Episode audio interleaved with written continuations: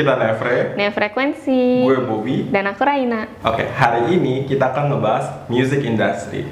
Kalau kita ngebahas music industry, kita mulai dulu nih dari pertanyaan yang paling sering kita dengar. Aku tahu, aku tahu. Apa? Apa sih musik industri itu? Oke, benar. Itu pertanyaan yang paling sering kita dengar. Apa sih music industry itu? Sebetulnya ya guys ya, music industry itu lebih dari kayak play button yang kita pakai di music streaming app. Itu lebih dari live konser yang kita tonton. Banyak komponen di belakang panggung yang belum kita bahas. Di mana orang-orang palingan fokus sama artisnya doang atau performance-nya. Nah, itu yang bakal kita bahas di sini. Betul, biasanya mungkin ini menjadi sebuah miskonsepsi ya. Betul. Jadi orang-orang lebih mungkin karena memang performer, jadi kan pasti lebih terasosiasikan musik itu dengan performer gitu kan. Padahal di belakang itu untuk membuat musik aja tuh banyak banget eh, orang-orang di belakangnya yang berjasa untuk membuat sebuah se- sebuah musik. Nah, lanjutin dari yang Raina tadi bahas, music industry itu sebetulnya term yang dipakai untuk uh, mendescribe atau definisi dari orang-orang yang bekerja di scene music. Nah, kalau ngomongin music scene, ada banyak, ada banyak banget dari proses kreatif, production, promotion, uh, distribution mungkin, etc. etc. Itu banyak banget. Nah, dan di sini kita akan break it down one by one. Nah, sebelum kita breakdown one by one, boleh nggak kita bahas sejarahnya dulu? Harus banget itu. Harus ya, oke. Kalau gitu aku mulai dari zamannya live music ya. Jadi dulu memang kan belum ada sistem record, rekaman gitu kan.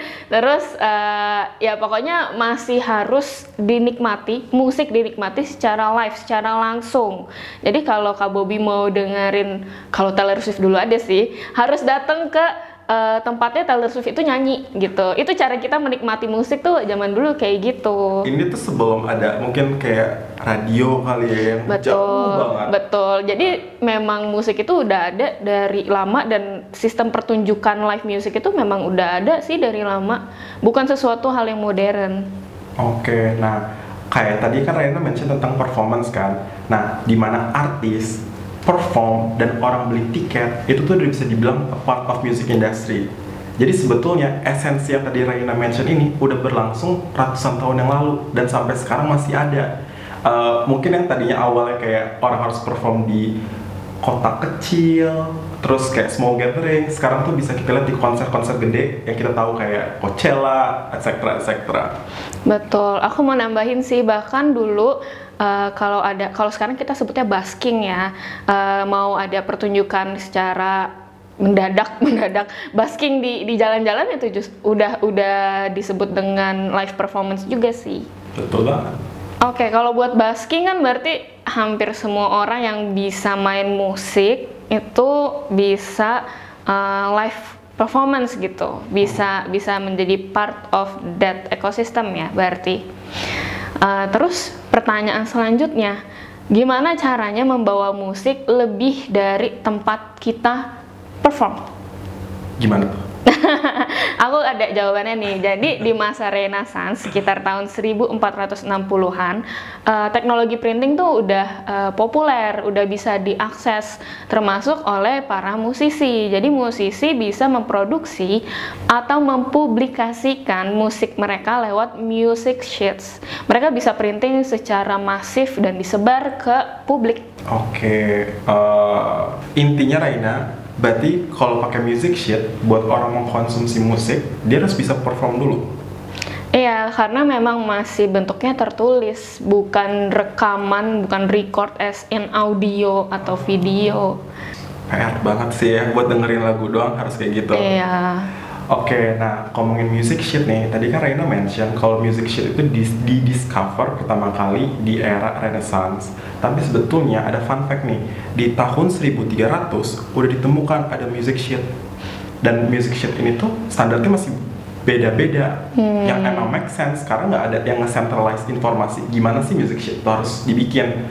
Uh, even ada loh music sheet yang bentuknya kayak hati dipakai. Oh, Iya, mungkin konsepnya kayak vinyl atau CD kali dia bikin kreatif gitu. Well, tapi setelah Beethoven membuat music sheet, akhirnya tuh dia bikin standar kayaknya dan semua orang mulai pakai standarnya itu buat pembuatan music sheet. Oke, berarti thanks to Beethoven Oh, Beethoven. Nah, kita bisa punya music sheets modern kali ya. Thank you Om. Om. Nah, tadi kan kita udah ngebahas ya Raina ya, music sheet yang akhirnya dibikin sama Om Beethoven punya standarnya nih. Nah, dari music sheet itu akhirnya ada inovasi lah yang tadinya cuma direkam di kertas bisa direkam audio. Yay. Itu pertama kali ya, itu kalau aku di era itu pasti aku celebrate banget sih karena itu iconic moment di industri musik. Nah, yang aku mau share di sini, aku sambil baca ya buat fun fact ya. Teknologi yang dipakai pertama kali itu namanya phonograph atau gramophone, eh gramophone, gramophone, Oke. sorry. Dan itu adanya di tahun 1880. Itu pertama kalinya ya. Oke, jadi 400 tahun kemudian dari printing, dari written, akhirnya bisa ke audio ya. Hah? Oh, 400, 1880 saya. Iya kan 400 kemudian dari 1400. Oh iya benar. Benar. Oke. Nah dan dari situ otomatis dong. Kayak orang udah ngerekam audio ada inovasi lagi nih. Di industri musik ada eh, bisa dibilang musisi bernama Les Powell di mana dia pertama kali ini guys berhasil eh, bikin namanya tuh layering audio. Mungkin kalau kalian pakai Photoshop atau editing tools yang kita sekarang pakai itu bisa layering. Nah itu pertama kali layering audio dia yang nemuin. Dan itu di apply di lagu dia yang berjudul Lover When You're Near Me Oke, aku belum pernah dengerin sih Oh, lagunya. kita harus dengerin ya di sini berarti ya. Iya, atau mungkin editor boleh di sekilas gitu dimainin lagunya. Oke, thanks to Om Les Paul. Dari tadi kita nyebut Om kayak deket banget ya, akrab banget gitu. kan keponakan oh gitu, ponakan ya. Oke, aku lanjutin kalau gitu.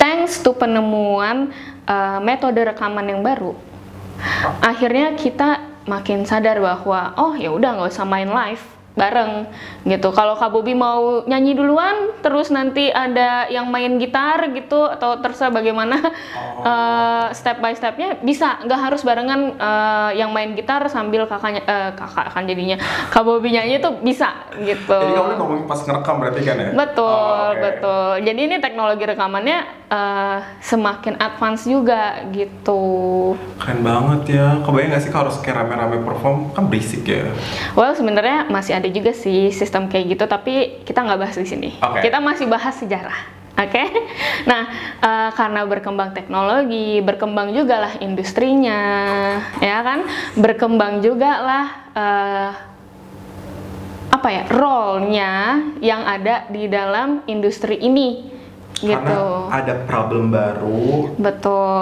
harus di solve mah orang-orang Betul. spesifik di situ Betul, betul, betul banget. Dan untuk mencari talent, biasanya label itu menggunakan satu divisi, menggerakkan satu divisi, namanya singkatnya sih A&R. Tapi eh, kepanjangannya itu dari Artist and Repertoire. Jadi emang bakal eh, berhubungan erat dengan eh, artis, musisi, dan talent-talent lainnya yang eh, berhubungan dengan si produksi musik itu juga sih. Bener banget Reina, otomatis dengan berkembangnya industri dan teknologi, masalah makin banyak yang baru dong. Nah sama kayak di industri musik, pasti ada subsektor di industri musik yang terlahir dari berkembangnya teknologi dan industri itu. Lanjut yang tadi ini, Hmm, oke. Kalau ngelanjutin ya, aku juga fast forward ya. Boleh ya? Fast forward aja langsung ke tahun 1993. Karena di sini ntar ada efeknya gitu. Oke, dikasih efek ya editor. Karena di tahun ini Kak Bobi eh, lahirlah yang lebih modern, ada internet kan? Karena ada internet, eh, jadi udah bisa online nih. Lahirlah sebuah situs namanya Internet Underground Music Archive Hmm. atau disingkatnya IUMA. Agak lucu ya namanya cute gitu. IUMA ya. Iya, IUMA eh, skip. Eh, jadi sesuai namanya, jadi situs ini adalah arsip musik online gratis dan ini yang pertama kali ada ya, Eh, baru dia doang nih, Eh, yang menyediakan eh, musisi bisa upload lagu mereka dalam bentuk MP3, udah bentuknya MP3 sekarang, dan publik bisa mendownload eh, lagu-lagunya itu. Siapa yang menggunakan ini? Hmm. Biasanya adalah artis-artis yang belum punya label. Oh, Jadi mereka uh, menggunakan eh, kesempatan ini karena sudah online kan, jadi banyak publik ya, di mana pun gitu jadi bisa akses gitu. Eh, mereka menggunakan eh, situs ini bukan hanya untuk mengarsipkan musik mereka, tapi juga mendistribusikan musik mereka terhadap eh, audiens mereka gitu. Jadi intinya sih ya meskipun gratis gitu ya, nggak ada pendapatannya atau mungkin kalau ada pendapatan kecil kali ya, eh, tapi mereka dapat exposure yang lebih besar lewat situs ini. Fun fact, aku mau share fun fact nih. Music streaming app yang kita kenal sekarang sebetulnya bukan ide hal yang baru gitu loh. Oke. Kenapa? Karena di tahun 1999 udah tercetus idenya Hmm, sama orang, sama om lebih tepatnya. Yang- Om lagi ya? Om lagi. om lagi. Omnya bernama Tim Bratton. Eh, Tim Bratton ini sama teman-temannya lagi mengerjakan nih mesin audio streaming baru. Aku sambil baca biar fact checking ya guys. Eh, nah mesin ini digunakan secara komersial pertama kali sebagai layanan radio eh, khusus bernama tuntu.com. Tuntu.com. Lucu ya namanya. Ya lucu, tapi aku nggak mau lucu, so tadi dilarang. Oke. Oh, oke. Terus eh, dan ini akhirnya jadi prototype. Kebayang nggak sih kayak version 1, version 2. Nah, mungkin kayak gitu konsepnya. Hmm, Oke. Akhirnya ini jadi prototype sebuah celestial jukebox atau direktori musik. Beda ya, tadi itu radio, ini direktori musik gitu. Mhm. Nah, eh, namanya juga lucu nih. Namanya Aladdin. Kenapa lucu? Oke, aku mau oh, mungkin orang bisa minta apa aja dan dikabulkan di situ. Oh, Mau minta lagu apa aja ada mungkin. Oke, oke, oke. Menarik, menarik. Aku ngerti kenapa aku darah ngelawak. Oke. Tapi kan Aladin manusianya, dia yang meminta, sementara yang jadi eh, serba bisa itu kan Genie. Kamu lanjutin banget nih. Oh ya. ya udah kita fast forward lagi ya ke tahun 2001 sekarang. Jadi si tuntu.com pada tahun ini tepatnya di bulan April 2001 diakuisisi oleh sebuah startup dari San Francisco yang bernama listen.com.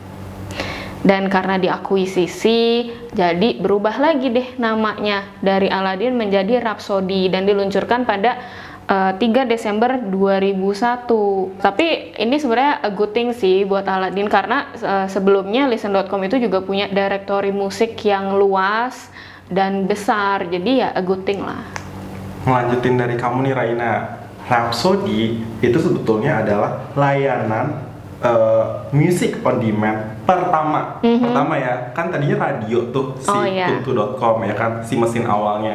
Akhirnya jadi Rhapsody itu adalah layanan music on demand pertama. Di sini kita udah apply nih subscription model yang kita pakai sekarang. Oke, Gitu. jadi udah beneran modern bahkan di awal tahun 2000-an ya. Betul, dan mereka tuh punya music library yang cukup luas pada saat itu. Ngomongin library, Hmm. Aku tahu sih sebenarnya dulu pas Rhapsody ini launching, sebenarnya katalognya dia itu dari Nexus Records dan beberapa label independen Kak Bobi. Oh, ya make sense. Waktu itu belum lengkap kan, karena yang baru dari segitu doang distributornya ya. Iya, tapi ya tetap udah besar sih pada masa itu gitu. Dan nggak lama setelah eh, mereka launching, sebenarnya label-label besar seperti EM EMI, BMG, Warner, dan Sony itu ikutan join juga. Oh, langsung dimakan ya. langsung kayak ikut deh gitu karena ya berarti mereka melihat potensi eh, industrinya di sini gitu Setuju tadi ikut deh gimana? gimana aku lupa ya gitu ya sorry emang begitu anaknya Nah, lanjutin dari Raina lagi nih. Eh, aku sambil baca ya biar eh, fact checking. Pada tanggal 3 Oktober tahun 2011, Rhapsody mengumumkan rencana untuk meng- mengakuisisi lagi. oh ya Ada akuisisi lagi nih oke selanjutnya. berarti bisnisnya memang berkembang pesat ya Betul. Uh, a company uh, namanya itu Napster. oh Pasti kalau orang kalau denger Napster udah nggak nggak aneh sebetulnya ya, Hmm. karena itu panjang deh nggak bisa aku bahas. Nah, kesepakatan ini selesai nih pada bulan November. Jadi setelah Oktober langsung November langsung deal. Oke, sign Hmm, gitu. hmm. Dan uh, pada tanggal uh, Juli 14 2016 kebalik 14 Juli 2016